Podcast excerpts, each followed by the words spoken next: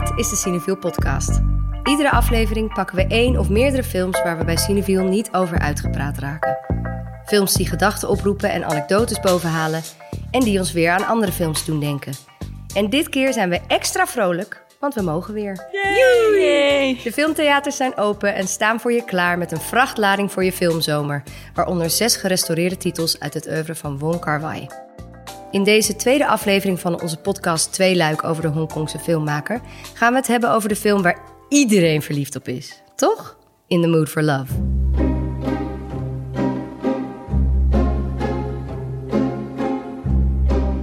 En het iets minder bekende, maar niet minder gelaagde vervolg, 2046.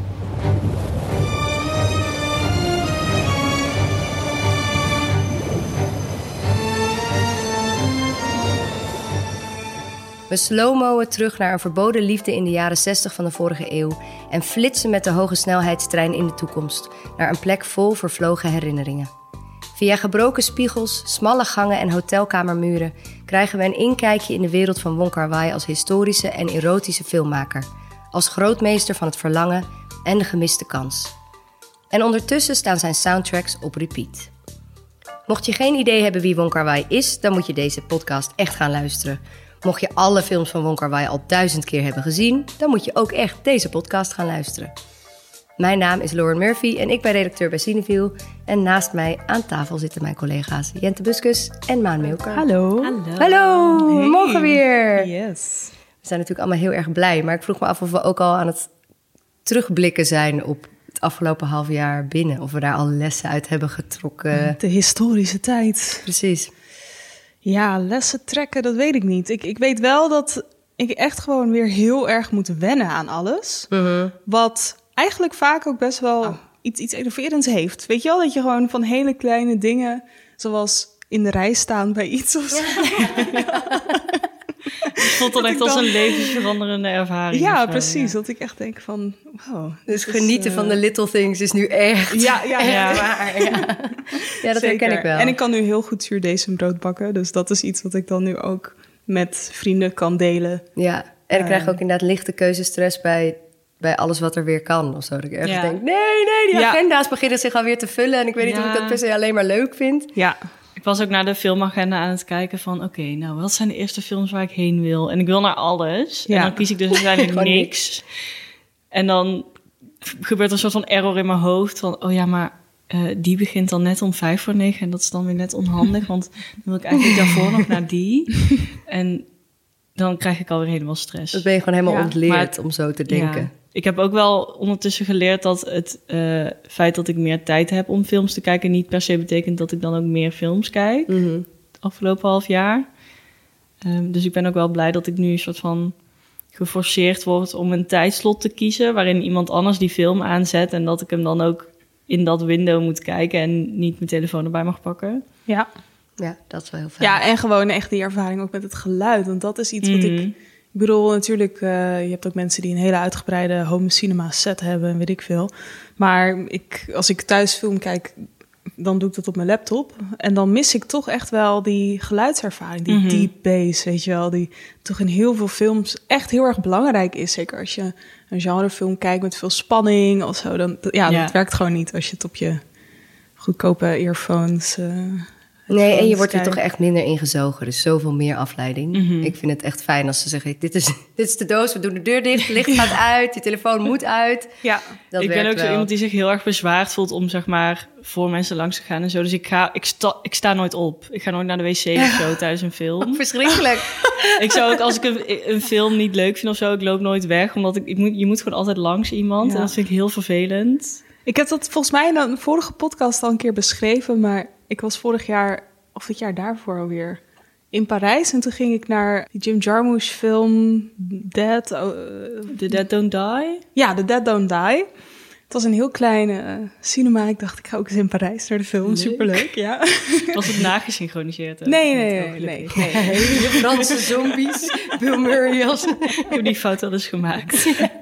Maar toen zat ik naast... Het was net een hele harde regenbui geweest, maar het was ook heel warm buiten. En toen zat ik naast iemand die gewoon zo erg stonk naar Nee. natte kleren. En hij had dat helemaal proberen te verbergen met heel veel deodorant. Oh nee. Maar het was ook precies een type persoon waarvan ik dacht van...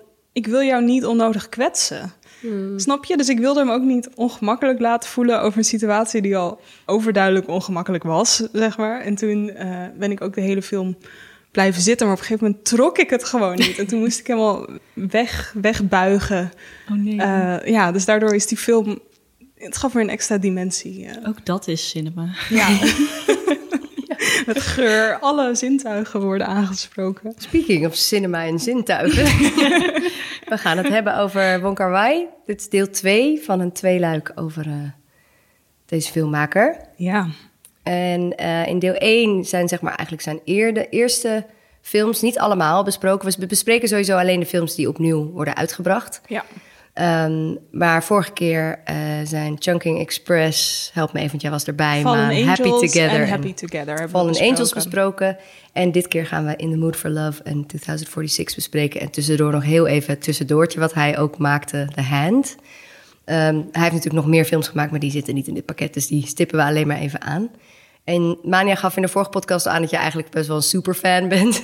Ja, kan je wel zeggen, ja. Ja, als in, ik moet daar wel een disclaimer bij geven... dat ik dus zijn allerlaatste film... eh, ik weet even niet meer... Grandmaster? Ja, de Grandmaster die heb ik niet gezien. Dus misschien is dat zo'n typische film, weet je, dat Die het de helemaal ontkracht. En dat Ja. je dan, als je die hebt gezien, schaamt dat je... Oh, ik Het hoor wel dat dat iemand ik heb die ook niet gezien. Volgens mij is hij wel heel goed. Oké, oké. Nou, dan heb ik alleen maar extra zin om die ook te gaan ja. kijken. Vond je My Blueberry Nights ook goed? Oh, die heb ik ook niet gezien trouwens. Oh, ja, ik Laat ik het niet. anders eh, zeggen. Ik ben super fan van de films die ik heb gezien van Wong Kar Wai. Dat is een hele mooie Heel politiek correct. Ja. En jij, Jente? Nou, ik ben eh, newborn superfan misschien. ik eh, had voor mijn studie ooit wel Chunking Express en eh, In the Mood for Love gekeken al.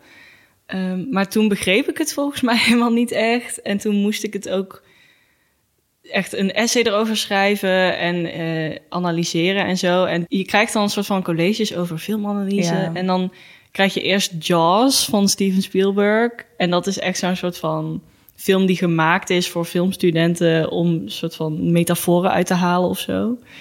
Ehm, en dat kon ik heel goed. en dan krijg je In the Mood for Love. En dat is een soort van hele fysieke, sensuele ervaring van een maker die je niet kent uit een, eh, een land waarvan je misschien als Hollandse filmstudenten eh één andere film hebt gezien. Ehm, met een hele andere filmtraditie. En eh, dat, dat framework of zo In een andere tijd. paste Ja. daar gewoon helemaal niet op. Dus ik dacht, of ik ben heel dom en ik snap deze film niet. Of, eh, Verkeerde setting. of verkeerde setting. Of het is niet zo'n goede film of zo als iedereen doet dat is. Maar nu heb ik ze dus nog een keer gekeken. eh, en ook zijn andere films. Ehm, en nu was er niemand die zei, je moet dit snappen. En dan kun je gewoon En nu voelde je het het opeens. voelen. Ja. Zoals Christopher Nolan zegt, don't try to understand it. Feel it. Ehm, dus dat werkt een stuk beter. Dus dat is ook een aanrader voor iedereen die, die misschien denkt van... oh, wat is het ingewikkeld of Ja. ehm, vaag... of het is allemaal non-lineair en eh, niet wat je gewend bent misschien. Ja. Probeer gewoon het over je heen te laten komen. dat zo. heb ik op zich ook al met de films van Wai. Dat je hebt bepaalde makers waarbij spoilers voor het verhaal echt heel erg jammer zijn. Mhm. Gewoon dat, weet je, dat, dat zijn ook films die we dan eigenlijk in de podcast niet zouden moeten bespreken Ja, op die manier, weet heel je wel. krampachtig Dat- over ja, doen. Ja. ja. Maar met Wong Kar Wai heb ik het idee dat het verhaal, weet je, als je dat gewoon vertelt, dat doet niet af aan de ervaring. Nee. Zo, Maar er is ook meestal nog- geen script. Nee, precies. En het lijkt bijna soms alsof hoe meer ruimte er tussen de plotlijnen zit, hoe beter of zo bij Ja. hem. Dat het eigenlijk het is natuurlijk veel minder dichtgetimmerd ja. in sommige opzichten. Maar ik moet wel zeggen dat ik heb nu, eh, ook weer omdat ik het voor de podcast weer ging kijken, dat ik heel erg in mijn hoofd had inderdaad dat mensen ook wel vaker zeggen dat zijn films helemaal, eh, weet je, inderdaad geen script hebben. Terwijl als je ze nog een keer bekijkt of zo, dan zie je toch wel heel veel foreshadowings. Ja. Ja. En zo, weet je, dat je denkt van, oh ja, hier is wel in de grote in ieder geval qua gevoelens dan misschien heel erg over nagedacht. En dan misschien juist een soort heel erg vastpinnen op sommige details, als in bepaalde Mhm. getallen of bepaalde motiefjes. En eh, ja, en oké, daar staat dan een soort eh, vaag groot verhaaltje tegenover met politieagenten of zo. Maar dat doet er niet echt toe. Het gaat Ja, om, nee. om dat getal of Ja, het gaat ja. om die telefooncel. Maar ik heb wel het gevoel dat, maar dat is meer ook als je de ontstaansgeschiedenis kent, daar komen we straks ook nog wel op. Maar daardoor klopt het inderdaad allemaal heel erg. En is het ook een soort van heel mooi, overzichtelijk oeuvre eigenlijk. Want ik merkte, ik heb net als jij, Jente, ik herken dat heel erg van Wonkerwijs. Echt zo, als je filmstudies iets in die richting hebt gedaan, van oh ja, dan moet je dat gaan kijken. En het wordt aangehaald door iedereen als in The Mood for Love zeker een van de top 10 beste films ooit, weet je wel. En dan zodra je, als je daar nog net niet helemaal voor open staat, dan klap je daar eigenlijk een beetje over dicht of zo. Ja.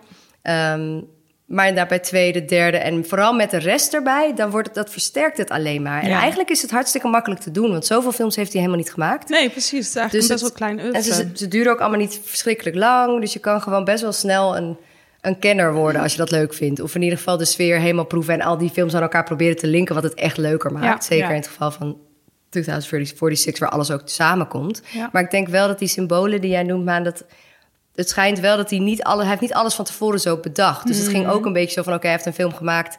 En de film die daarop volgde, die liet hij dan ook terugvallen op Ja. die film daarvoor, zonder dat hij bewust die Easter eggs er al in had gestopt, zeg maar. ja, ja.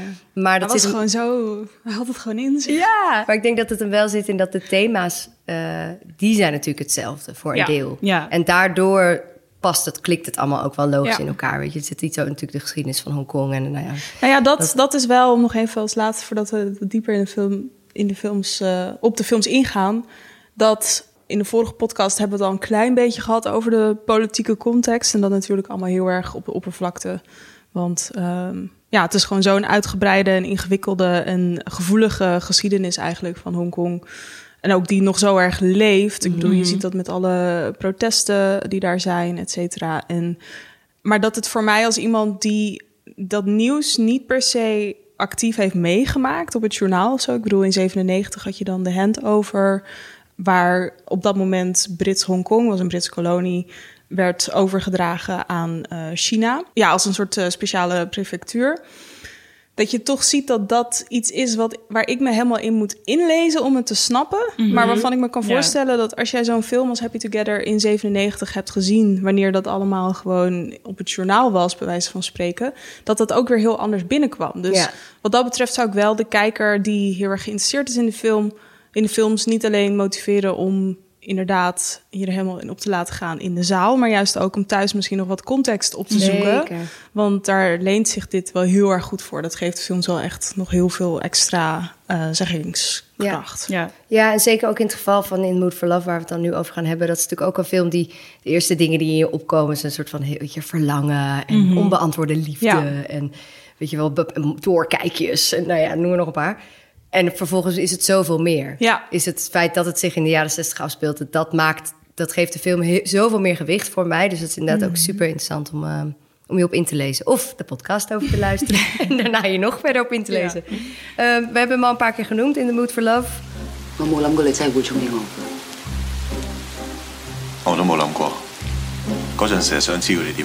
我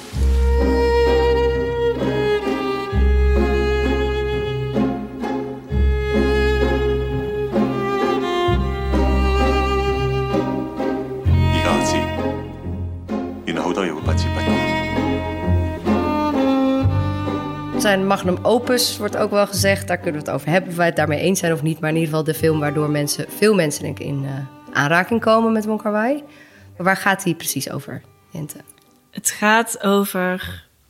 Eh, eigenlijk gaat het gewoon over twee mensen. Over Mrs. Chan, eh, of Chan, en Mr. Chow.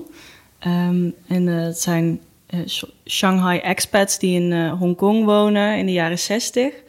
En zij eh, wonen in hetzelfde appartementencomplex ehm, en komen er gaandeweg eh achter dat hun echtgenoten, echtgenoot en echtgenoten, ehm, met elkaar vreemd gaan. Spoiler! Maar ik denk dat je de Oh, film ja. gewoon zou kunnen kijken en niet heel goed op zou kunnen letten. En dan heb je dat niet eens door. En dan is het nog steeds een hele goede filmervaring.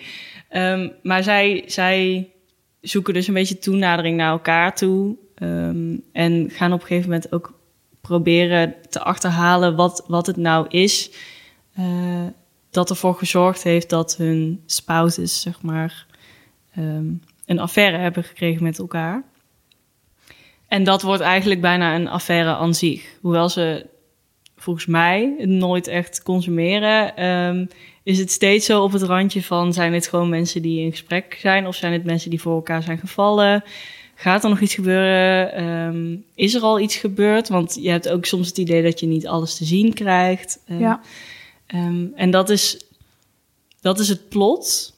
Maar het is eigenlijk meer een soort van mood. Ja, mood.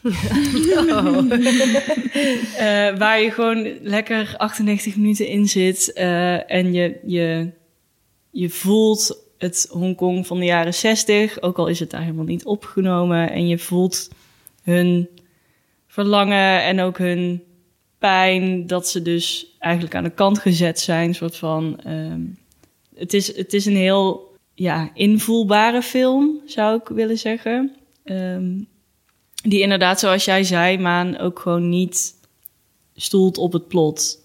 Eh, dat is meer een soort van reden om, om deze mensen te volgen en om met ze te zijn.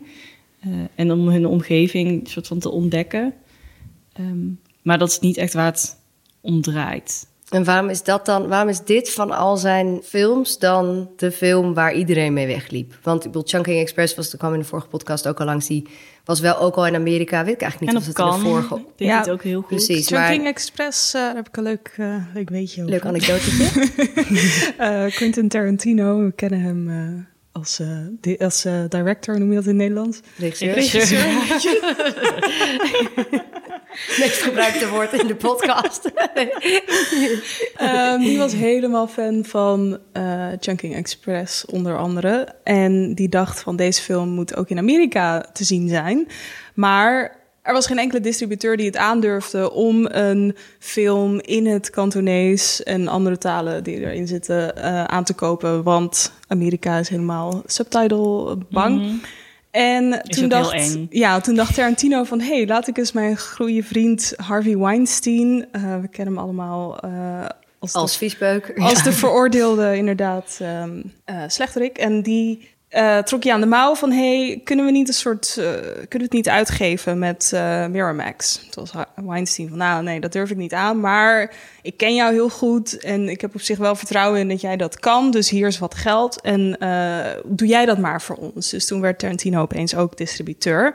En toen heeft hij die film uitgegeven in Amerika. En hij is heel breed uitgezet eigenlijk... voor een eerste release... Alleen totaal geflopt in termen van eh, inkomsten. Box office ja, box office, ja. heel weinig mensen heen geweest. Maar daardoor is eh Wong Kar-wai wel ook eigenlijk in dat Amerikaanse wereldje terechtgekomen. En dus ook The Grandmaster is ook een Weinstein-productie bijvoorbeeld. Thanks, Ehm, Harvey. Maar die heel erg. Hij, heeft wel, hij, hij, hij klaagt er wel altijd over, omdat Harvey Weinstein de edit van echt eh, 160 minuten naar 80 terug wilde Oh ja, brengen. Of zo. Omdat ja. hij zei van het Amerikaanse publiek is niet zo geduldig voor dit soort Daar heeft eh, hij ook wel gelijk in. Ja. Maar ehm, ja, dus Chunking Ex- Express was al in Amerika in ieder geval als niche Ja. beschikbaar. En ook een soort van Er was al film, iets aan het filmmakers, filmmaker, toch? Hij zegt, Wong Kar-wai zegt zo iemand die, waar mensen dan helemaal, mee, andere filmmakers helemaal mee weglopen. Sofia Coppola heeft gezegd van Lost in Translation had ik nooit kunnen maken als ik Ja. nooit iets van Wong Kar-wai had gezien. En Barry Jenkins van Moonlight, die is helemaal heel erg Ja. fan van hem ook. Zal ik even een stukje van laten horen. Ik praat graag over hem. Op een hele lieve manier. I always obsess over uh, the Dina Washington montage. This guy basically summarizes an entire relationship in two minutes and like 34 seconds. And it starts out with this toy airplane, you know? That moment to me always struck me as something that was just like ridiculously beautiful, even though it's mournful at the same time. I'd never seen anything like that in a film, ever in my life, you know? And here's Dina Washington, you know, this, you know, somewhat tragic, you know, soul singer, you know, from America. And here's this guy in Asia. It's like, how small is the world? 我以为会同佢一齐好耐，好似一架日满油嘅飞机咁，可以飞好远。 Het is wel grappig dat hij zegt, so small is the world. Terwijl ik denk van ja, Hongkong is wel bij uitstek een van de landen, weet je, door die Britse eh, kolonisatie, wat natuurlijk heel dicht bij het Westen staat eigenlijk. Ja. Dus in die zin vind ik het ook weer niet raar dat als je het dan ergens vindt in Azië, dat het dan in Hongkong is. Ja, En dat er dan ook een liedje van de mama's en de papa's in zit. Ja, en Ja, ja, ja, Washington. ja, Ja, daar hebben we in de vorige podcast inderdaad. eh, Ja. Maar het geeft wel aan dat, dat Wong Kar Wai dus ook... Dat doet hij voor een deel natuurlijk ook bewust... heel erg inzet op een soort van gedeelde culturele...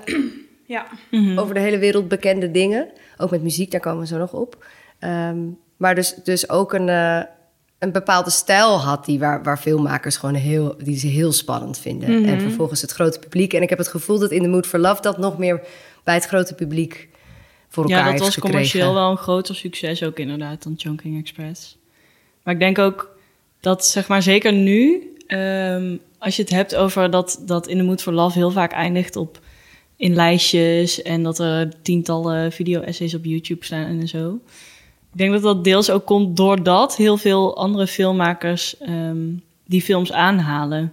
Omdat er, er is een soort van, eh, denk ik, cinefiel cultuur ontstaan... waarbij iedereen zeg maar, de inspiraties van de makers die ze leuk vinden wil zien.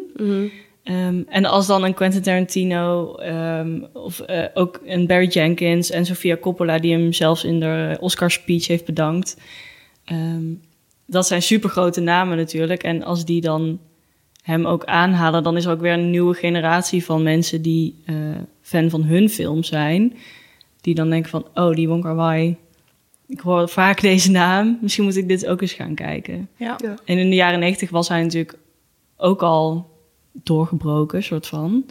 Ehm, En ik denk ook wel dat de films heel erg inspelen op zeg maar, de twee componenten die dan film, film maken ten opzichte van fotografie bijvoorbeeld. Weet je, dat, je ook, dat het heel erg gaat over tijd en over plaats. ja. En dat dat, ik bedoel, jij zegt dat je het bij je studie hebt gehad eh, om te analyseren, inderdaad. En dat heb ik ook gehad. Misschien Lauren ook wel. We hebben allemaal eh, een soort filmrichting studies gedaan.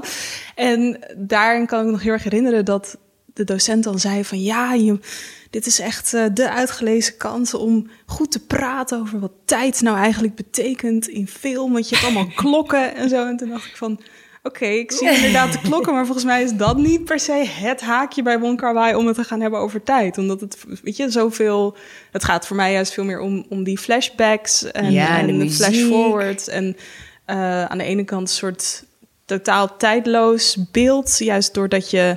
eh, doordat die bijvoorbeeld allemaal... ehm of nou ja, in 2046 er zo meteen op terugkomen. Er is het eindshot een soort eh, futuristische stad met een LG-logo. Snap je? Dat je denkt van, oh ja, dat LG-logo is waarschijnlijk in 2046 ziet dat er niet meer zo uit. Maar oké, weet je, dat, dat, eh, ja, dat, dat die nostalgie bij hem naar wat hij zelf ook beschrijft als tijden die je niet per se hebt meegemaakt. Dus en hij heeft wel de jaren 60 zelf meegemaakt, is in de jaren 50 geboren. Maar het, het ehm, In the Mood for Love staat voor hem zoals ik het heb gelezen in interviews, ook heel erg naar het zijn van een soort in een soort tussenruimte tussen allemaal dingen. Dus even goed als dat het zijn mensen uit Shanghai, eh, net zoals Wong Kar-wai zelf, die dan in Hongkong zijn.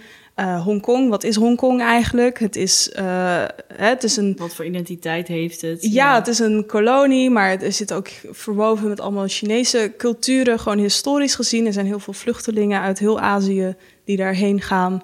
Ehm, en dan een soort van tegenover ehm, China is het dan misschien voor sommige mensen in Hongkong op dat moment van... oh, we, willen, we weten niet waar we naartoe gaan. Weet je, als China weer de macht krijgt. Maar ze denken aan de andere kant ook... het is ook niet leuk om gekoloniseerd te worden. Nee. Weet je, daar zijn ook veel eh, protesten over, eh, in die tijd ook, et cetera. Ja. Dus dat i- in between, ehm, ja, dat zij zitten ook een beetje vast eigenlijk. Dat stel, zeg maar, want ze durven niet weg te gaan of ze kunnen. Ze durven niet weg te gaan bij hun partners, maar ook niet die volgende stap met elkaar te nemen. Nee, waardoor ze, er zit volgens mij ook een quote, ik weet nu even de directe quote niet in de film, over dat je herinneringen wel kan zien, maar niet aanraken. Hmm. En dat is natuurlijk sowieso een hele mooie metafoor in de liefde, soort van als je iemand wel wil, maar niet aan kan raken. Ja.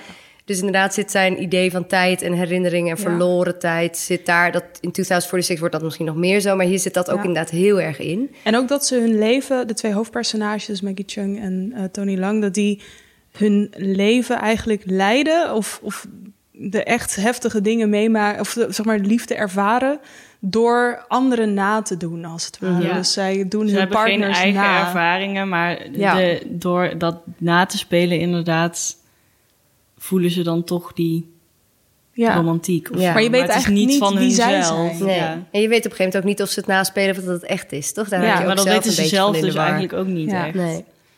Ja, en het is gewoon die, de manier waarop dat verteld is. Dat kan ook heel cliché worden of zo, maar dat is het op de andere manier niet. Het Nee. wordt niet soort dat heel erg. Weet je, symboliek kan er ook zo dicht bo dik Ja. bovenop liggen. En dat, Maar ik heb juist iets, er is zoveel te zien en te voelen... dat je ook helemaal geen tijd hebt om je bezig te houden met... oh, is dit Is dit cliché corny? of niet? Ja. Weet je, even goed als als je gewoon een film hebt met gewoon... waarin je echt die liefde voelt tussen twee mensen... dan maakt het niet uit of ze elkaar geparfumeerde liefdesbrieven geven... ja, ja. of andere clichés. Want dan denk je gewoon, ja, dit doe je gewoon dan. ja. Daarom klopt. vind ik de notebook ook zo leuk. Krijg je straks de show notes. Zie je die opeens tussen staan? Nou, wel degelijk geïnspireerd op, toch? Waarschijnlijk. Nou ja, en dus de, de, het is ook... eh weet je, hij maakt ook heel veel gebruik van herhaling. Weet je, herhalende shots. Wat in Chunking Express deed hij dat ook al met de muziek en zo. Maar hier, zij treffen elkaar steeds in het begin... voordat ze elkaar leren, echt leren kennen... komen ze elkaar steeds tegen in een steegje onderweg naar... als ze gaan eten... En ze raken elkaar dan soms net wel of net niet. En dat Ja. gebeurt zo vaak dat je op een gegeven moment ook niet meer weet... Was Is het, een flashback? Is het een flashback? Is het een het nog een flash? En keer? dat is- ja, en dat is natuurlijk ook een beetje hoe je brein werkt. Zo, zeker als je verliefd bent. Dat je soort van helemaal... Dus ik denk dat je wat jij zegt, van dat je daardoor ook helemaal geen tijd hebt om stil te staan bij Nee. wat er wel en niet werkt. Het is gewoon... Nou ja, dat klinkt, heel, klinkt wel heel cliché als ik het zeg. maar het is inderdaad Zeg gewoon een mood. Nou, het is gewoon een, inderdaad een soort, bijna een soort onderbewuste staat waar Ja. je in komt. Een trance. Ja, ja. en dat zit hem, ook, eh, zit hem ook heel erg in de cameravoering en Ja. in de en stijl. in de muziek, die ook de soundtrack, als in de unieke Ja. soundtrack voor eh, In the Mood for Love, is ook heel mooi. Ehm, De wals bedoel je? Ja. ja.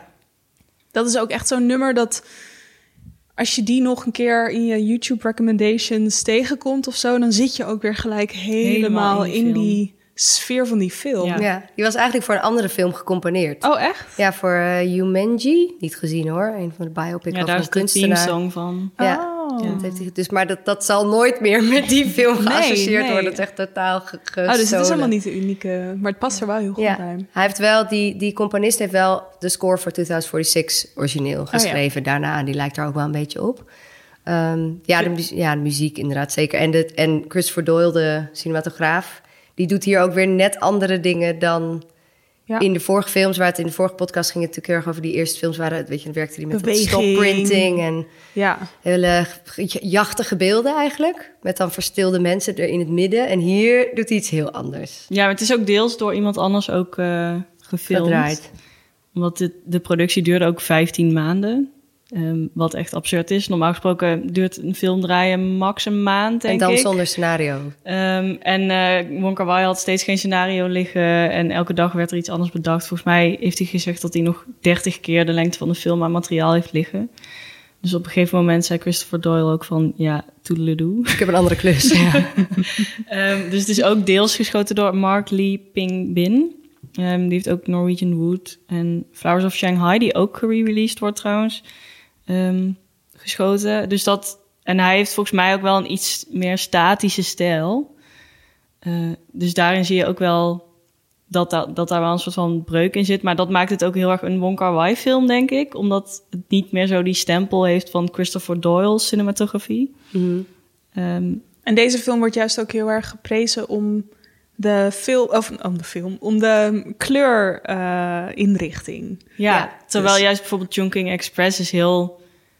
voelt echt alsof je het zeg maar... Ja, dat klinkt heel oneerbiedig, maar op de digitale camera van Ja. je vader uit 2004 hebt gefilmd. ja, het is in de maar. color grading heel erg vlak Het getrokken. is heel vlak, het is best Dat- wel keel van kleur. eh, en ook heel grainy. En eh, eh, dit is gewoon een soort van warm bad aan ro- texturen, roodtinten. Ja. rookwalmen. eh, het, ja, het is echt een liefdevolle set ook gewoon. Ik Ja, denk en- soms ja. wel, als je daar op die set zou hebben gestaan... en het duurt 15 maanden en er is geen scenario... dan Maggie Lung en Tony Chung af en toe wel echt helemaal gek moeten zijn geworden. Toch Dat weer mij datzelfde- ook wel gezegd. Datzelfde steegje door. Maar die repetition die in de film zit, moet Ja, je dan ja, ook ja. live wel voelen. Nou ja, ik had wel, want zij, hebben, zij kennen elkaar al heel lang. Zij hebben ook in hun eerste grote rol eigenlijk, eh, dat was een politieserie, daarin speelden zij ook elkaars eh, lovers. En dat was dan op uh, de nationale televisie in Hongkong, waar, nou, dat heb ik in de vorige podcast uitgelegd, waar best wel veel ruimte was voor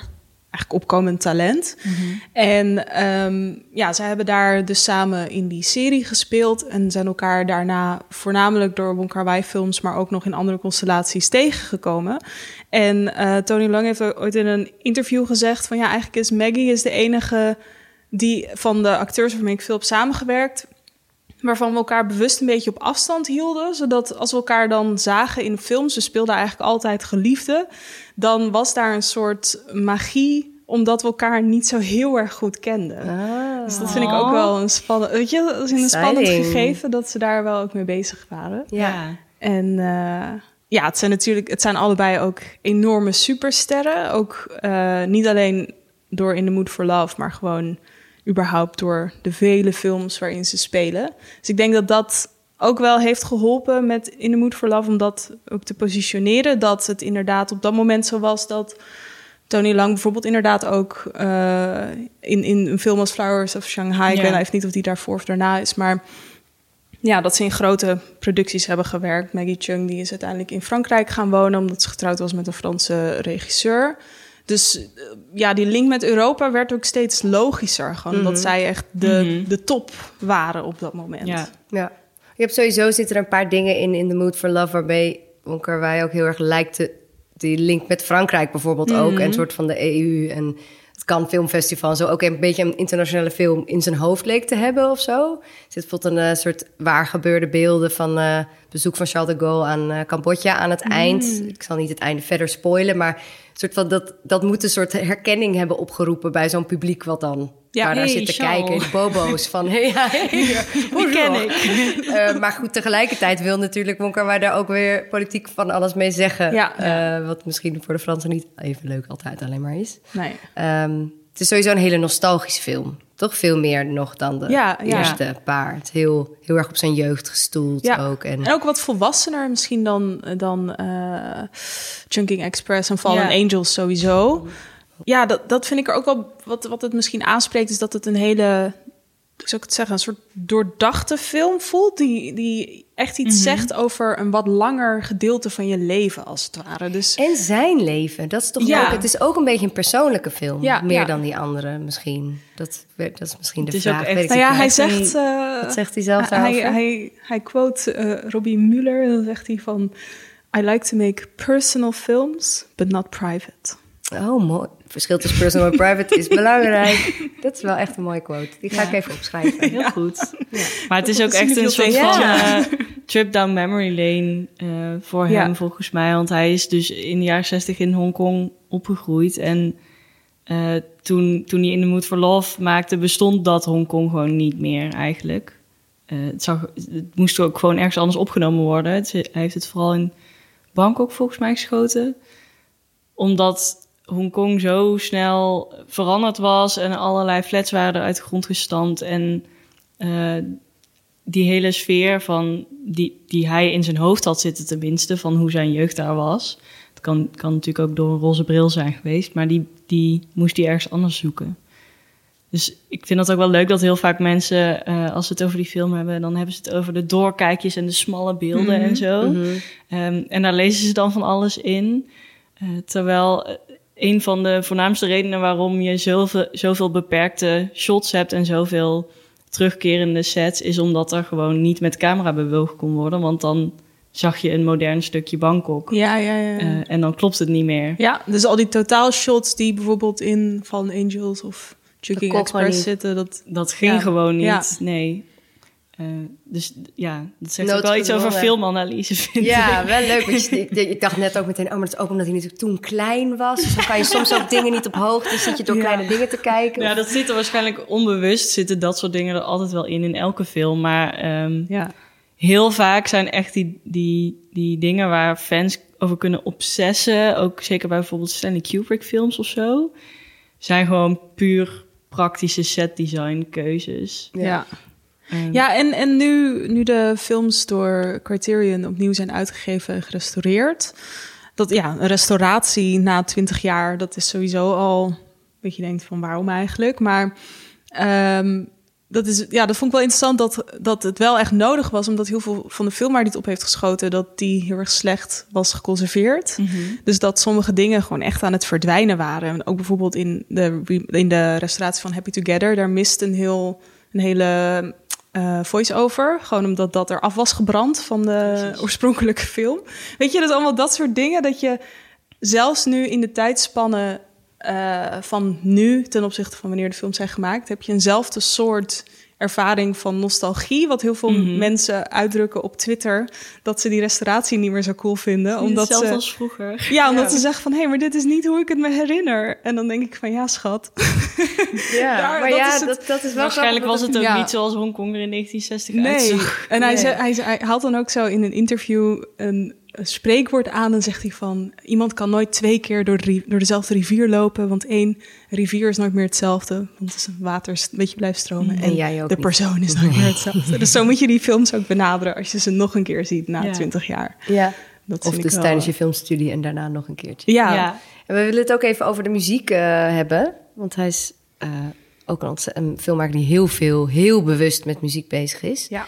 Ehm, maar voordat we dat gaan doen, wilde ik even vragen naar jullie popmuziek of belangrijke muziekmomenten in films. Vorige podcast is er ook al een rondje gedaan, maar wij gaan nu ons eigen rondje doen. Eh, Jente, wat heb jij meegenomen? Eh, ik heb een fragmentje meegenomen uit American Psycho. Hele andere vibe dan waar we het tot nu toe Ja, over gehad hebben. Eh, even, even wakker schudden. Ehm, eh, American Psycho is uit 2000 van Mary Harron. Ehm, en het gaat over een eh seriemoordenaar, Patrick Bateman. Spoiler alert, hij is seriemoordenaar, maar dat weet je vanaf het begin al. En hij is heel erg fan van Huey Lewis en the News. En van eh, Phil Collins. En van? Phil Collins en van Whitney Houston. En dat is een Hij verschrikkelijke heeft- snop. ja. en hij is een hele erge snop. En hij, eh, eh, op een gegeven moment heeft hij zijn eerstvolgende slachtoffer naar zijn appartement geleid. Ehm, en voordat hij eh, toeslaat, zet hij nog heel even zijn favoriete Huey Lewis album op voor. En vertelt hij even waarom het nou zo fantastisch is. In 87, Huey released this.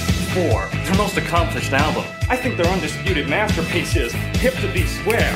A song so catchy, most people probably don't listen to the lyrics. But they should, because it's not just about the pleasures of conformity and the importance of trends. It's also a personal statement about the band itself.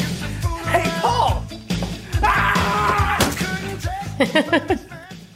Zo'n grappige film, Oh, toch? Ja, ik hou Dat heel erg verwacht van je die helemaal film. niet.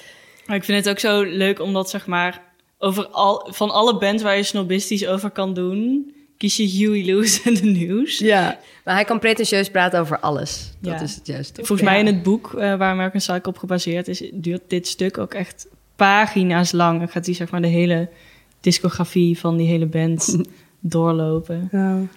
Echt heerlijk. Ik vind het wel zo'n typische film die echt heel erg goed met de tijd meegaat of zo. Als in, Ja, er zi- er zit ook een stukje in dat hij ergens in een restaurant zit en dan zo zit te kijken naar een vrouw en dan weet hij niet zo goed wie het is. En dan vraagt hij, is that Ivana Trump? ja, ja. Toen was Melania nog niet in de picture. Ik heb ook een, eh, een beetje een, een eh, hoe noemen ze dat? Een, eh, een top 40 referentie meegenomen. Namelijk uit As. Volgens mij een van de meest gequote films in de Cineville podcast. Grappig genoeg, terwijl helemaal niet zo'n supergoeie film als je hem kijkt. Maar hij is dus blijkbaar Oh, ik vond hem super... wel heel goed. Ik vond hem ook heel goed, maar niet zo goed als dat hij... Had eh, moeten als de zijn na Get referenties. Out. Nou, dat. Maar ook een soort... Hij is dus blijkbaar... Het is gewoon een heel een hele slimme film. Want er zit dus heel veel in wat je blijkbaar aan wil halen. Mhm. Dus misschien is hij dan toch wel heel goed. Misschien is dat ook soms wel ook wat een een- goede film maakt, hoor. Maar Misschien ook wel omdat er niet heel erg veel genrefilms het grote publiek bereiken die niet per se helemaal alleen maar bloed en zo zijn. Ja. zit er ook genoeg in. Ja, maar er zit ook genoeg in. Daardoor misschien ook nog dat het...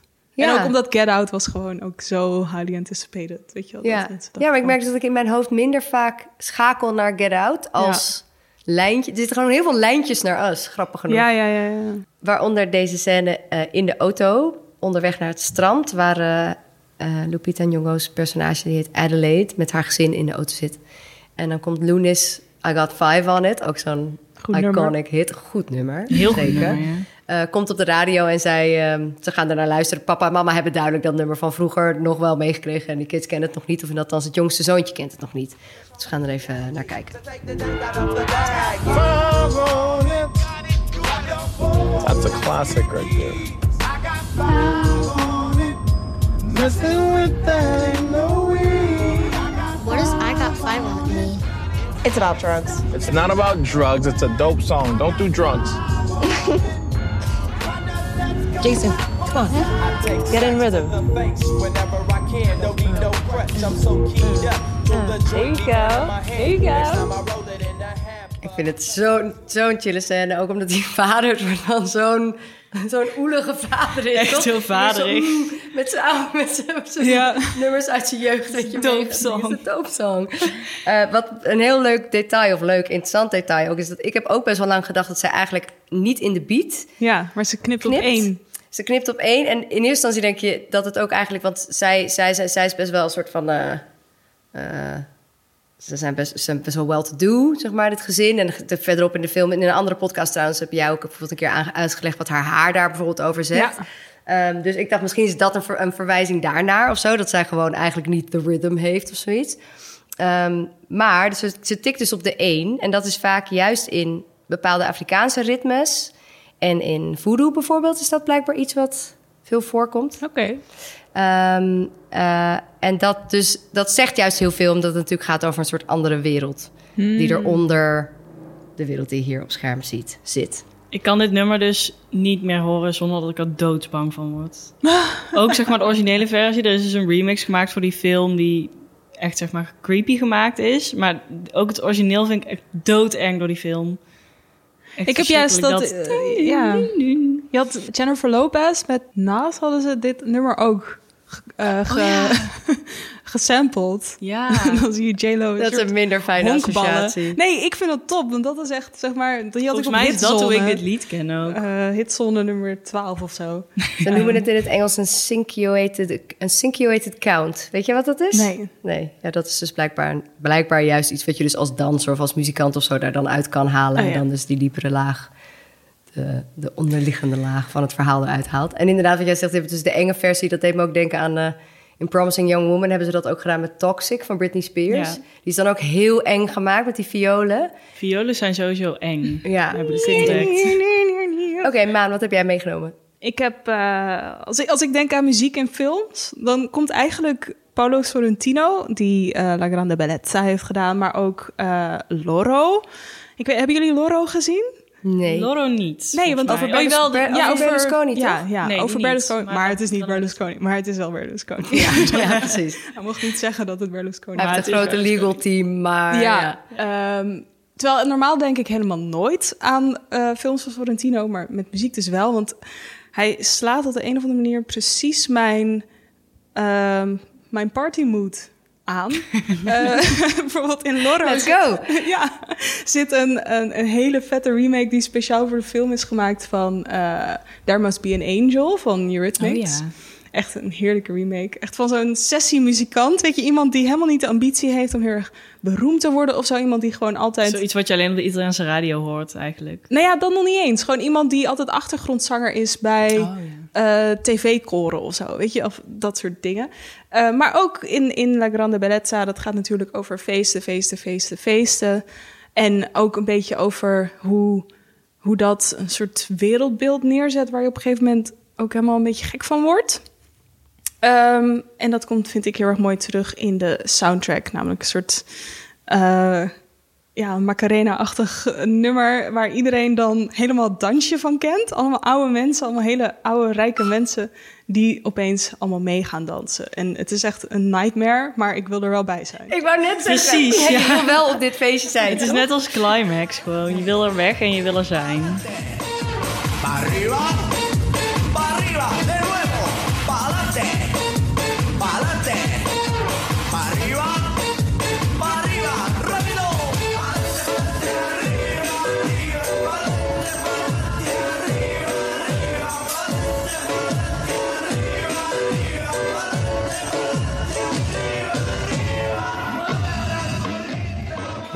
Ja, dat. Volgens mij draaiden ze dit vroeger ook wel bij de kinderdisco op de Ja. camping in Italië. Ja, en King of My Castle, die zit in, in Loro. En Slow van Kylie Minogue. Ook heel goed nummer. Goed Geen nummer. probleem. Allemaal. Nee. Heerlijk. Nou ja, dat is een beetje een moeilijk, moeilijke bruggetje naar de muziek van Bon Carvai. nou ja, ook weer niet, want het is wel, het is wel altijd een soundtrack. Tenminste, ik eh, heb hem daarna wel nog opgezocht, nummers daaruit. Ja, Ja, Even goed dat als dat ik dat met deze film heb gedaan. En ze blijven, wel, ze blijven zeker hangen.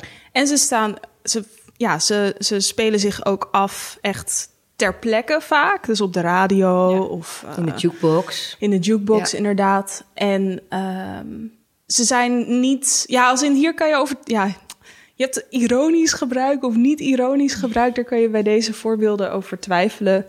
Eh, natuurlijk, weet je, wat het nou is. Maar bij Wong Kar Wai is het allemaal heel erg oprecht. Omdat hij het echt inzet om terug te gaan naar een tijd waar hij ons wil hebben, Ja. als het ware. Of een gevoel waar hij ons wil hebben. En Ja. niet per se van, oh my god, met je horen het. Toxic van Britney Spears. Ik denk inderdaad vooral met eh, California Dreaming is het echt knap om dat voor elkaar te krijgen. Om zo vaak dat nummer in een film te laten horen en dat je niet ergens er een beetje gek van wordt. Maar je wordt er toch eerst wel een beetje gek van? Ja, maar niet, Ja, maar maar niet omdat niet. het ironisch nee, is. Nee, nee, oh, zo, zo bedoel. Ja, nee, zeker. Het is niet pretentieus of zo. Ik Terwijl, had daarna nog steeds zin om California Dream in te luisteren. Precies, Ah, ja. misschien wel meer zin. ik heb volgens mij zelden echt... Jesse wel, toch? Die zei dat in de vorige podcast... dat hij eigenlijk altijd wel dat een van zijn Oh, favoriete nummers is. heel erg van de mama's en de Ja? papa's. Maar was er niet Ja. met de mama's en de papa's een soort verhaal met incest en zo? Oh, ja, nee. jawel, toch? Jawel, een van de mama's en de papa's had ook een relatie met zijn dochter. ja. Oh, echt? weten. Oh. Oh jee. Ja, wat Nou, een beetje geen des te mama's is de nu papa's. mama's, omdat ze mama's en de Ja, papa's heten. nou ja. Ja, weer terug naar Wong Kar Wai. Ja. We hadden het net al over de muziek in In the Mood for Love. En You Made Your Theme, of dus zeg maar de wals, is al langsgekomen. Maar er zit nog meer in. Er zit Nat King Cole komt erin terug. In heel mooi Spaans. Ehm, en eh Su Juan, een eh, zangeres uit Shanghai... die in de jaren 30 en 40 heel bekend was. Die je op een gegeven moment op de radio hoort. Wat natuurlijk heel erg de setting... dat is dan Ja. diegetisch van dat draaiden ze toen. Mhm. Eh, maar wat ook natuurlijk heel erg refereert naar eh, die, de tijd, die tijd waar Wai naar terug wil. En wat hij kent uit zijn jeugd ook. Ja. En misschien zelfs hoe zijn moeder bij wijze van spreken eruit zag. Weet je, de vrouwen die, eh, de jurken die Jung, Jung de hele tijd draagt. Ehm, dat zou, want eh, het liedje wat je van haar hoort van Saotian is, ehm, ik, ga dit niet goed uitspreken, dus excuses. Huayang Den Yan Hua. Eh, wat je kan vertalen als In Full Bloom, wat de Chinese vertaling van de film Oh ja. is. Ehm, en wat dus slaat op de kipao, op de jurken die Maggie Jung de hele tijd aan heeft. Die echt zo ontzettend mooi zijn. Het kostuumontwerp is insane. Eh, dus ook in, dat, in die muziek zit er dan ook weer, zit ook weer allemaal betekenis in. Ja. Ja, ik vind het wel mooi hoe zeg maar, hij die, die muziek heel erg heeft gebruikt om terug te gaan naar een periode in zijn jeugd. En om echt dat gevoel op te wekken van, van de herinnering die hij aan zijn jeugd heeft. Eh, ook heel veel Latin muziek die hij gebruikt. eh, wat dan weer is overgewaaid heel veel uit de Filipijnen en zo. Ehm, Ja, en, en- dat ik nu, nu ik die films heb gezien, als ik dan die liedjes hoor, dan denk ik dus aan die film en dus aan dat beeld van Hongkong. het is een soort van Oh, dubbel. Ja. Dus als jij de Spaanstalige versies van Nat. King Cole's nummers hoort, denk jij ik aan, aan Hongkong in de 60s. dat is Nee, maar ook mooi, dat ja. eh, eh, California Dreamin' bijvoorbeeld, dat is een nummer wat ik al mijn hele leven ken. Ehm, en Die zijn nu wat gekaapt nu gewoon door Wong gekaapt is Kar door Wai. Wong Kar Wai. Wat ik helemaal prima vind overigens. Ehm, hij mag alle liedjes kapen van mij. Nee, maar dat vind ik wel grappig hoe dat dan werkt. Dat je die, die associatie gewoon, als je het maar vaak genoeg hoort, als je het maar vaak genoeg ziet, dan koppel je dat gewoon aan die sfeer. Ja, Maar dat werkt eigenlijk hij... precies hetzelfde als hoe zijn brein het associeert. Precies, want hij schijnt ook al, al in de pre-productie... en dus bijvoorbeeld bij In the Mood for Love... ook op de set die wals de hele tijd te hebben gedraaid. en zo. Dus het wordt één groot Ja. real life... mixed met herinnering, mixed met wat je uiteindelijk op het scherm ziet en hoort. Ja. Eh, en en de, de muziek die hij net als kind hoorde, was deels dus door de Filipijnen bijvoorbeeld, eh, was daar, daar was de influx van, maar ook de zevende vloot van de Amerikaanse marine. Die waren toen in Vietnam aan het vechten. En vaak kwamen die soldaten of de militairen kwamen dus ook naar Hongkong om te ontspannen. Nadat ze, zeg maar, Ja. als ze onderweg terug naar Amerika of onderweg terug naar de vloot. Dus er was ook een soort influx van Amerikaanse popmuziek invloeden, die hij dus ook in zijn jeugd, waaronder Nat King Cole. Ja. Ehm, heeft meegekregen.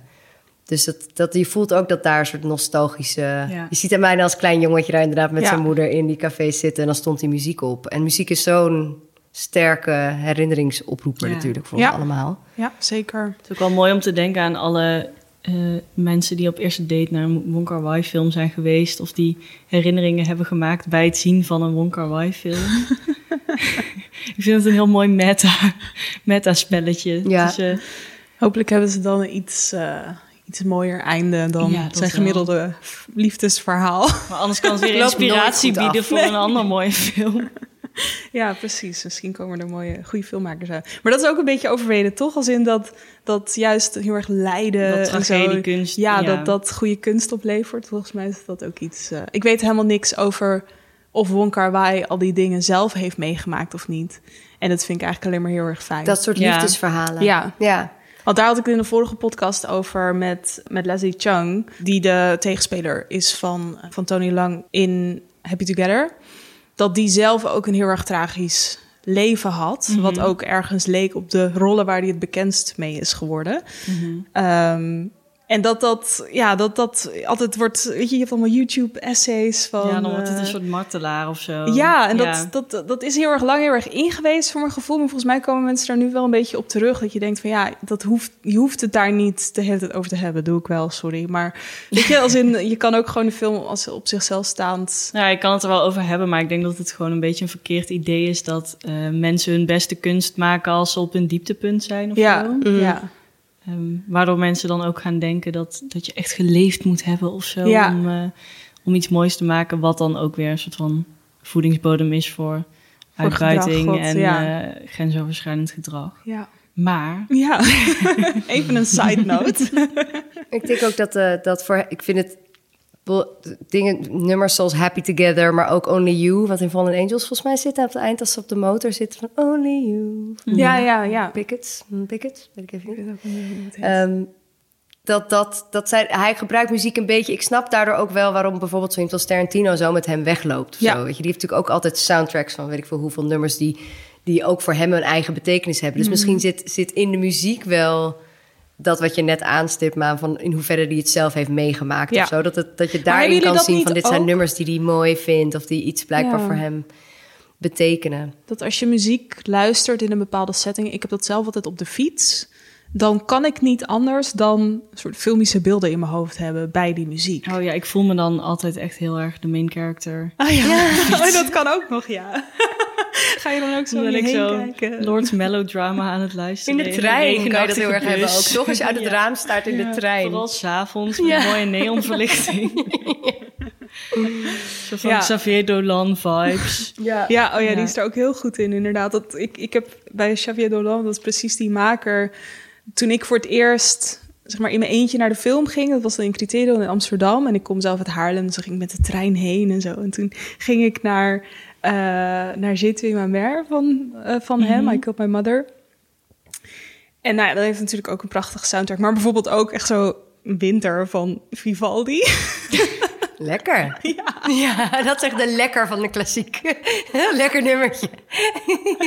ik voelde me daarna, ik heb dat toen eh, ja, thuis ook de hele tijd geluisterd. En dan voelde ik me echt zo van, oh my god, living the life. weet je wel, Uh-huh. Ja, dus stel je voor dat dat op de set opstaat. Maar nogmaals, als Ja. het dan 15 maanden duurt en je hoort elke dag die wals, dan zou ik daar ook wel flink gek van worden. Ja. Ja. Maar ja, dus, dus muziek is iets wat bijvoorbeeld ook in 2046 heel erg terugkomt. Zeker.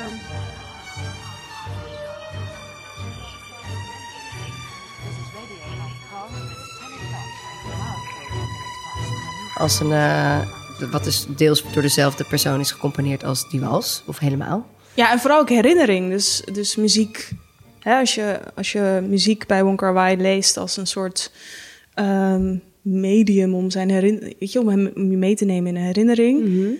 Is, dat, is die herinnering staat centraal in 2046. Ja. Maar dan ook nog eens filmisch door de hele tijd te wisselen tussen 2046 en de toekomst en 1966 uit mijn hoofd. In the Mood for Love, Ja, nee. 1966. In, eh, in 2046. Ja, maar, maar dat in the Mood for Love speelt zich af in volgens mij. 66 en 2046 speelt zich deels nog daar af en deels in de toekomst. Oh ja, maar dan is 2000, zeg maar de flashbacks in 2046. Dat Zijn zijn net iets later dan de tijd die in de Oh ja. Ja, volgens mij Love zijn is. dus die zijn eind jaren 60 of begin jaren 70 of zo. Ja, eind, sowieso in de jaren 60. Ja. Maar dan eh, inderdaad dan eind jaren 60. En dan Ja. Heeft, dan heeft Tony Lang opeens een, eh, een, een snorretje.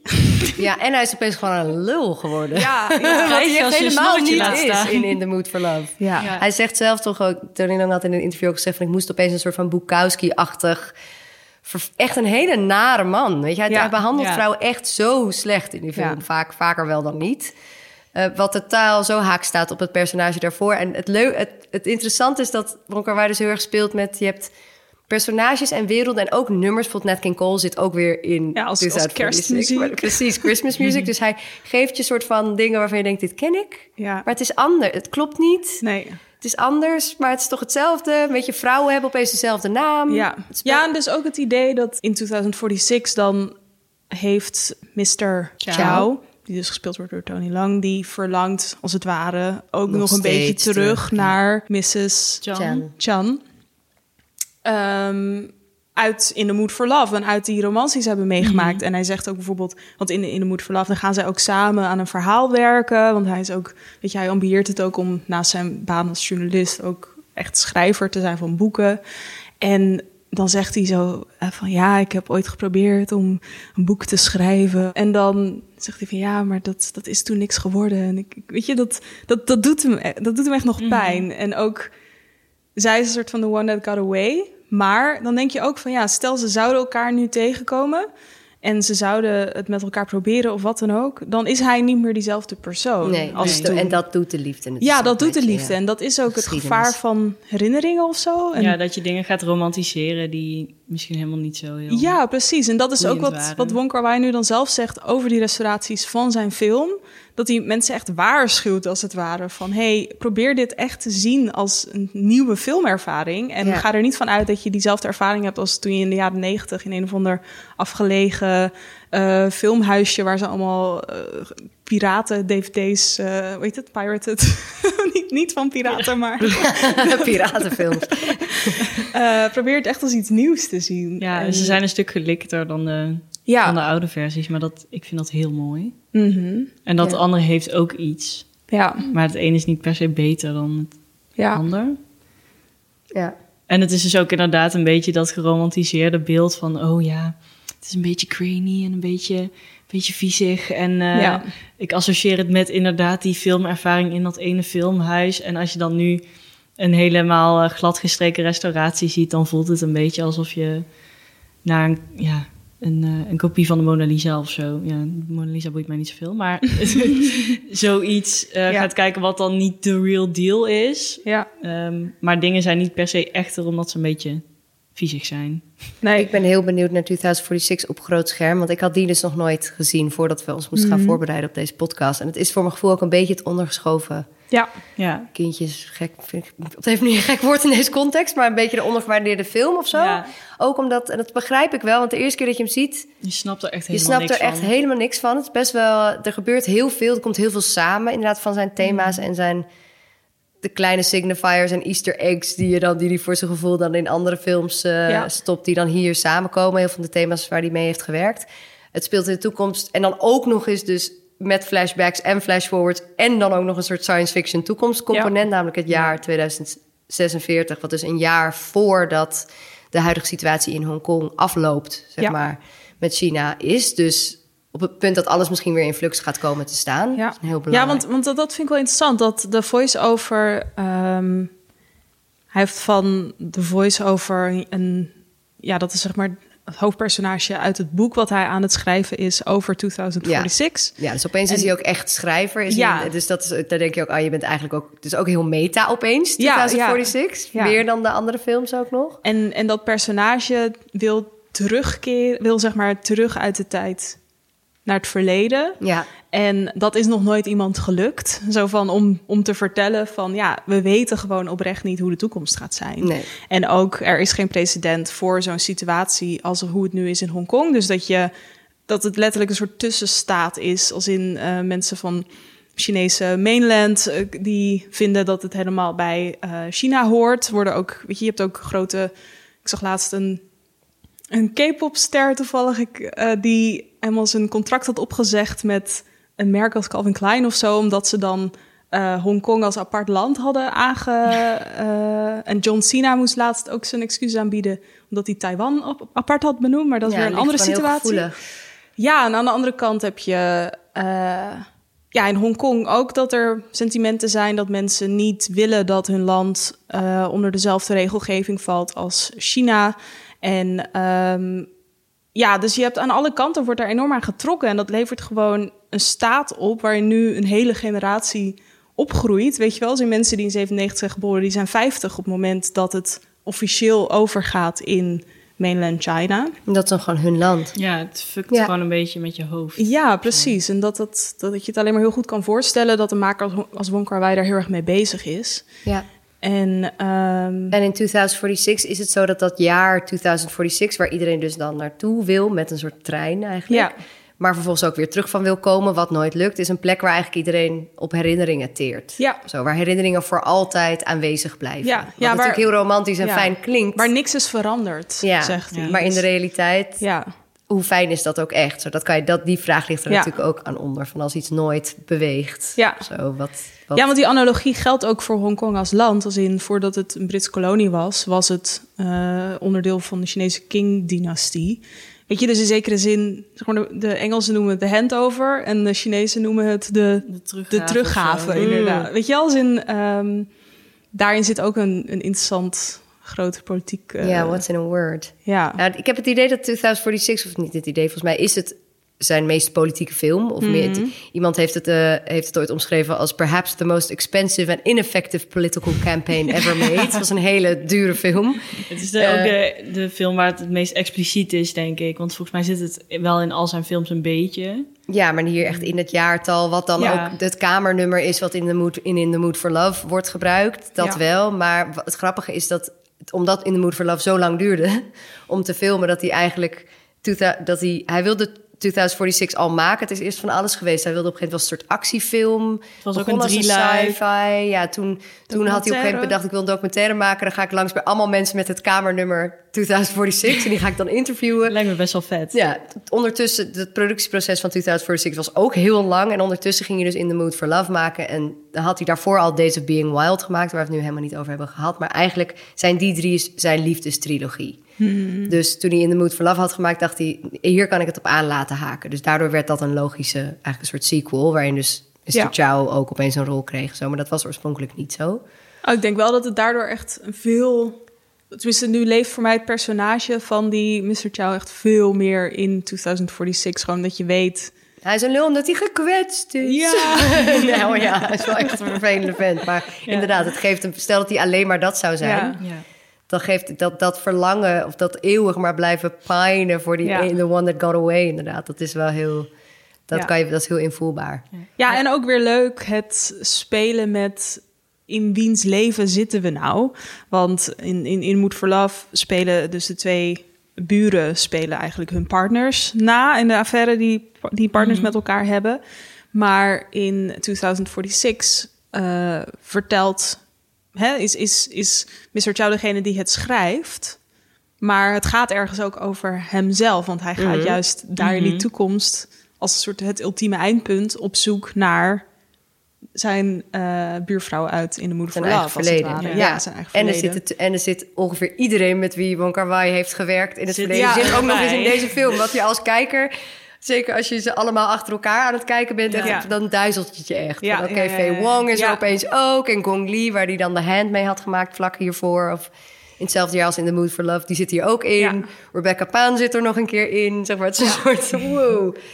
Dus Nee, dat, daar zeker. speelt hij volgens mij ook wel bewust met. Het is bijna, ik dacht opeens, het is eigenlijk een soort van Wong Kar Wai universe. een soort van Marvel universe. Dit is maar de dan- endgame van, Ja, dit is de van Wong Kar Wai. Maar dat is inderdaad als je het alleen ziet als Wong Kar Wai. Maar als je überhaupt kijkt naar de, Hong, naar de second wave van de Hong Kong New Wave... maar daar ook eh maak, Taiwanese makers als Ang Lee en zo... die in Amerika natuurlijk ook hebben ons doorgebroken met Brokeback Mountain... bij betrekt, zie je wel dat die acteurs die in Wong Kar Wai films spelen... dat die überhaupt in heel erg veel ehm, ja, goed ontvangen films uit die tijd... uit die twee landen specifiek. Ja, dat is ook eh, heel logisch eigenlijk. Even goed als Tilda Swinton in heel erg veel films speelt. Ja. Die heel veel mensen allemaal weet je die dezelfde groep mensen een beetje leuk vinden of zo. Dat had je ook misschien in die tijd met deze makers. Ja. En dan kunnen er ook inderdaad mensen zijn die denken dat Tilda Swinton alleen maar met Wes Anderson heeft samengewerkt. Ja, Maar precies. Ja. Dat is dus niet zo. Nee. Maar dit is wel, ik, ik, ik vond dus 2046 de eerste keer dat ik hem zag echt heel moeilijk te duiden. En toen heb ik in de Moed Vanaf nog een keertje gekeken. En toen deze erachteraan. En dit is wel de film waar je het meest... Er zit echt overal, alles heeft betekenis ongeveer. Ja. Weet je wel, van er zitten androids dan in de toekomst. En eentje heet dan CC1966. Dus dat, dat, dat refereert dan aan het jaar van de culturele revolutie. En eh, dan heb je nog een andere android die heet WJW1976. En dat is dan Wong Kar Wai. Doe je Weet dat allemaal uit je soort- hoofd? Nee, dat doe ik totaal niet uit mijn hoofd. Ik heb hier een briefje voor me liggen. Of nee, ik heb hier mijn computer voor me liggen. Maar meer van dat soort dingen. Ja, dat Ja. vind ik als, als filmnerd altijd best wel leuk om allemaal Ja, achter ik te denk dat het ook heel fijn is om gewoon deze zomer, als het een keer te heet is, dat je dan gewoon naar de best airconditioned bioscoop Ja. gaat. En dan ga je naar In the Mood for Love. Dan ga je daarna lekker naar 2046. En dan misschien nog even Chungking Express tussendoor. En dan ga je een week later gewoon nog een keer naar 2046. Ja. Ja. En dan ga je lekker nakletsen over wat de betekenis van de kleur rood en groen in Ja, ja, ja. 2046 zijn. Want dat is blijkbaar een soort feng shui ding. Oké. Rood is oké warm, maar rood en groen zijn opposites. Dus dat zorgt juist voor spanning en eventueel ruzie en niet best wel een negatieve energie. Nou ja, dat zit in 2046 heel veel. En dat werkt natuurlijk toe naar een potentiële totale. Ik had wel dat ik Ex Moeilijke Machina... eh, daar hadden we het over bij de A24-podcast. Eh film uit 2014 uit mijn hoofd. Daar, die ook over een soort androids gaat. En daarin heb je ook soms neonlichten of zo. Een soort neon dansen. En toen dacht ik echt, oh, dit is echt gejat van eh, 2046. Ja, Want nu je het, het zegt. het leek daar echt zo erg op. Ik denk dat er veel meer. Ik denk echt 2046 voor heel veel mensen een soort herontdekking gaat zijn deze Ja. zomer. Ja.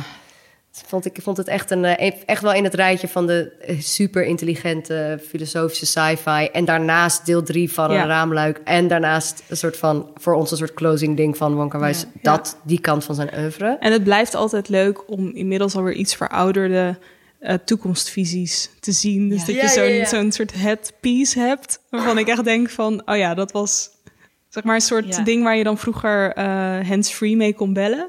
Zo'n groot ding wat je aan je oor hing. grote AirPods. Ja, dat, Ja, eh, dat is echt zo het De mode ook, of zo de Android manier waarop ze eruit zien. Ja. denk ik, nou, zo, zo lopen mensen er soms wel gewoon bij, toch?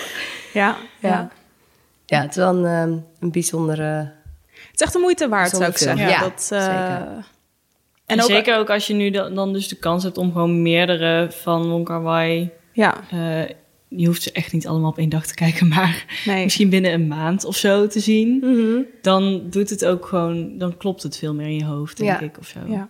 En ook eh, als je niet zo heel erg houdt van het, het zware of zo van In the Mood for Love, dan is dit een heel goed alternatief, denk Ja. ik. Als Ja. je tussen de twee zou moeten kiezen, omdat hier gewoon net iets meer gebeurt dynamischer of zo. of zo. Ja, dynamischer inderdaad. Ook ingewikkelder. Ja. En anders heb je, als je het wat simpeler wil, heb je ook nog de hand, waar we het helemaal niet echt lang over hebben gehad.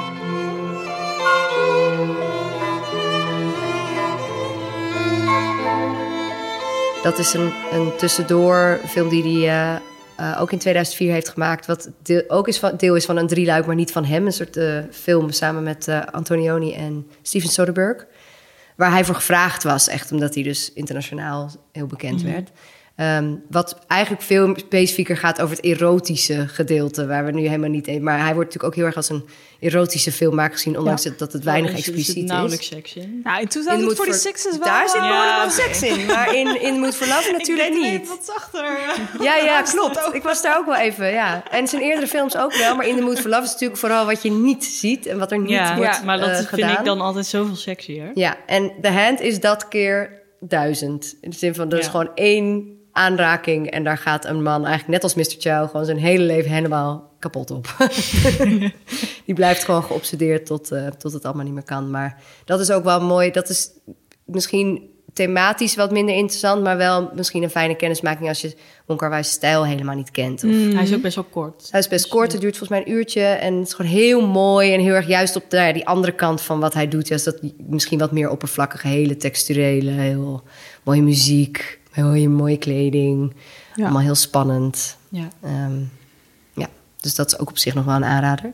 Wat heeft hij daarna eigenlijk nog gedaan? Dus My Blueberry Nights hadden we het net al even Ja. over. En dus de Eerste Grandmaster. Engelstalige film was een beetje een flop. En na de Grandmaster, wat eh, 2013 is uit mijn hoofd, heeft hij eigenlijk eh, ja, dus bijna tien jaar niks gedaan. En nu... Parfumreclames. Ja, Wat ik heel zo? ironisch vind, omdat er altijd wordt gezegd van... als mensen niet van Wai houden, zeggen ze toch van... het is gewoon één grote parfumreclame. Maar hij heeft volgens mij voor. Xavier heeft hij op een gegeven ja, echt muziekvideo's maakt. Ja. Ja. Ja, maar hij, hij was tijdens, eh, zeg maar, toen corona opkwam, is hij volgens mij in die periode begonnen met een serie. Het is een boekverfilming van een boek Blossoms. En ehm, dat neemt hij op in Shanghai.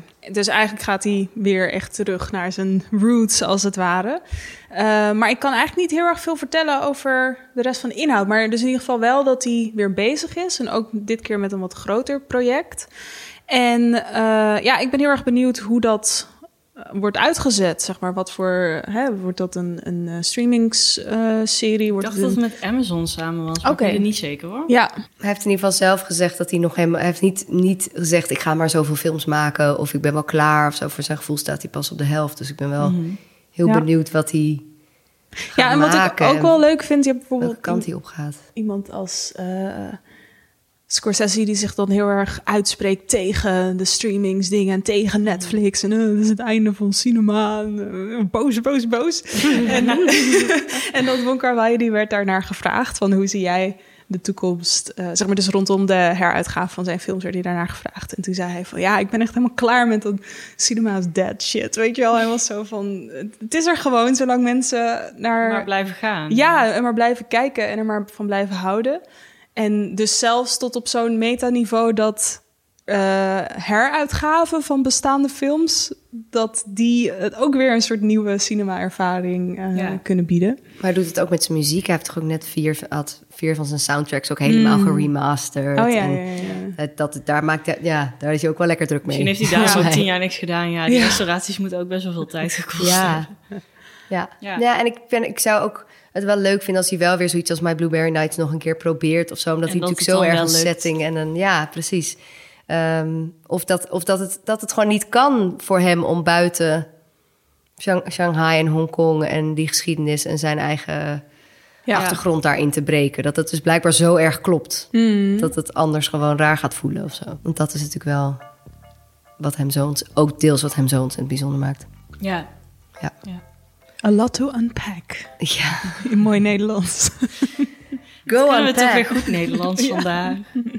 Dat was hem weer. Dankjewel, Maan en Jente, voor jullie diepgravende onderzoek. Jij ook bedankt. Jij En ook het bedankt. eh, kijken en herkijken en herkijken En nog een keer van de films. De zes gerestaureerde films van Wong Kar Wai. Dus dat zijn Chunking Express, Fallen Angels, Happy Together, In the Mood for Love, The Hand en 2046. Draaien nu in Cineville. Over de eerste drie hebben we ook al een podcast opgenomen. Die kan je ook beluisteren. Die is tegelijkertijd uitgekomen. En als je de films hebt gezien en de podcast hebt geluisterd... en alles eromheen hebt gelezen en opgezocht... dan kan je natuurlijk lekker napraten in de filmtheaters in de horeca... die net weer geopend is. En super bedankt aan mijn collega's Maan en Jente. Jij ook bedankt. En eh, de titels die we hebben besproken, de zes titels van Wong Kar Wai, maar ook alle andere titels die voorbij zijn gekomen, zijn terug te vinden in de show notes. Wil je met ons meepraten, dan kan dat door een mailtje te sturen naar podcast.cineville.nl of door te tweeten naar cinevillepod. Heel erg bedankt voor het luisteren en tot de volgende keer. Doei. Doei doei.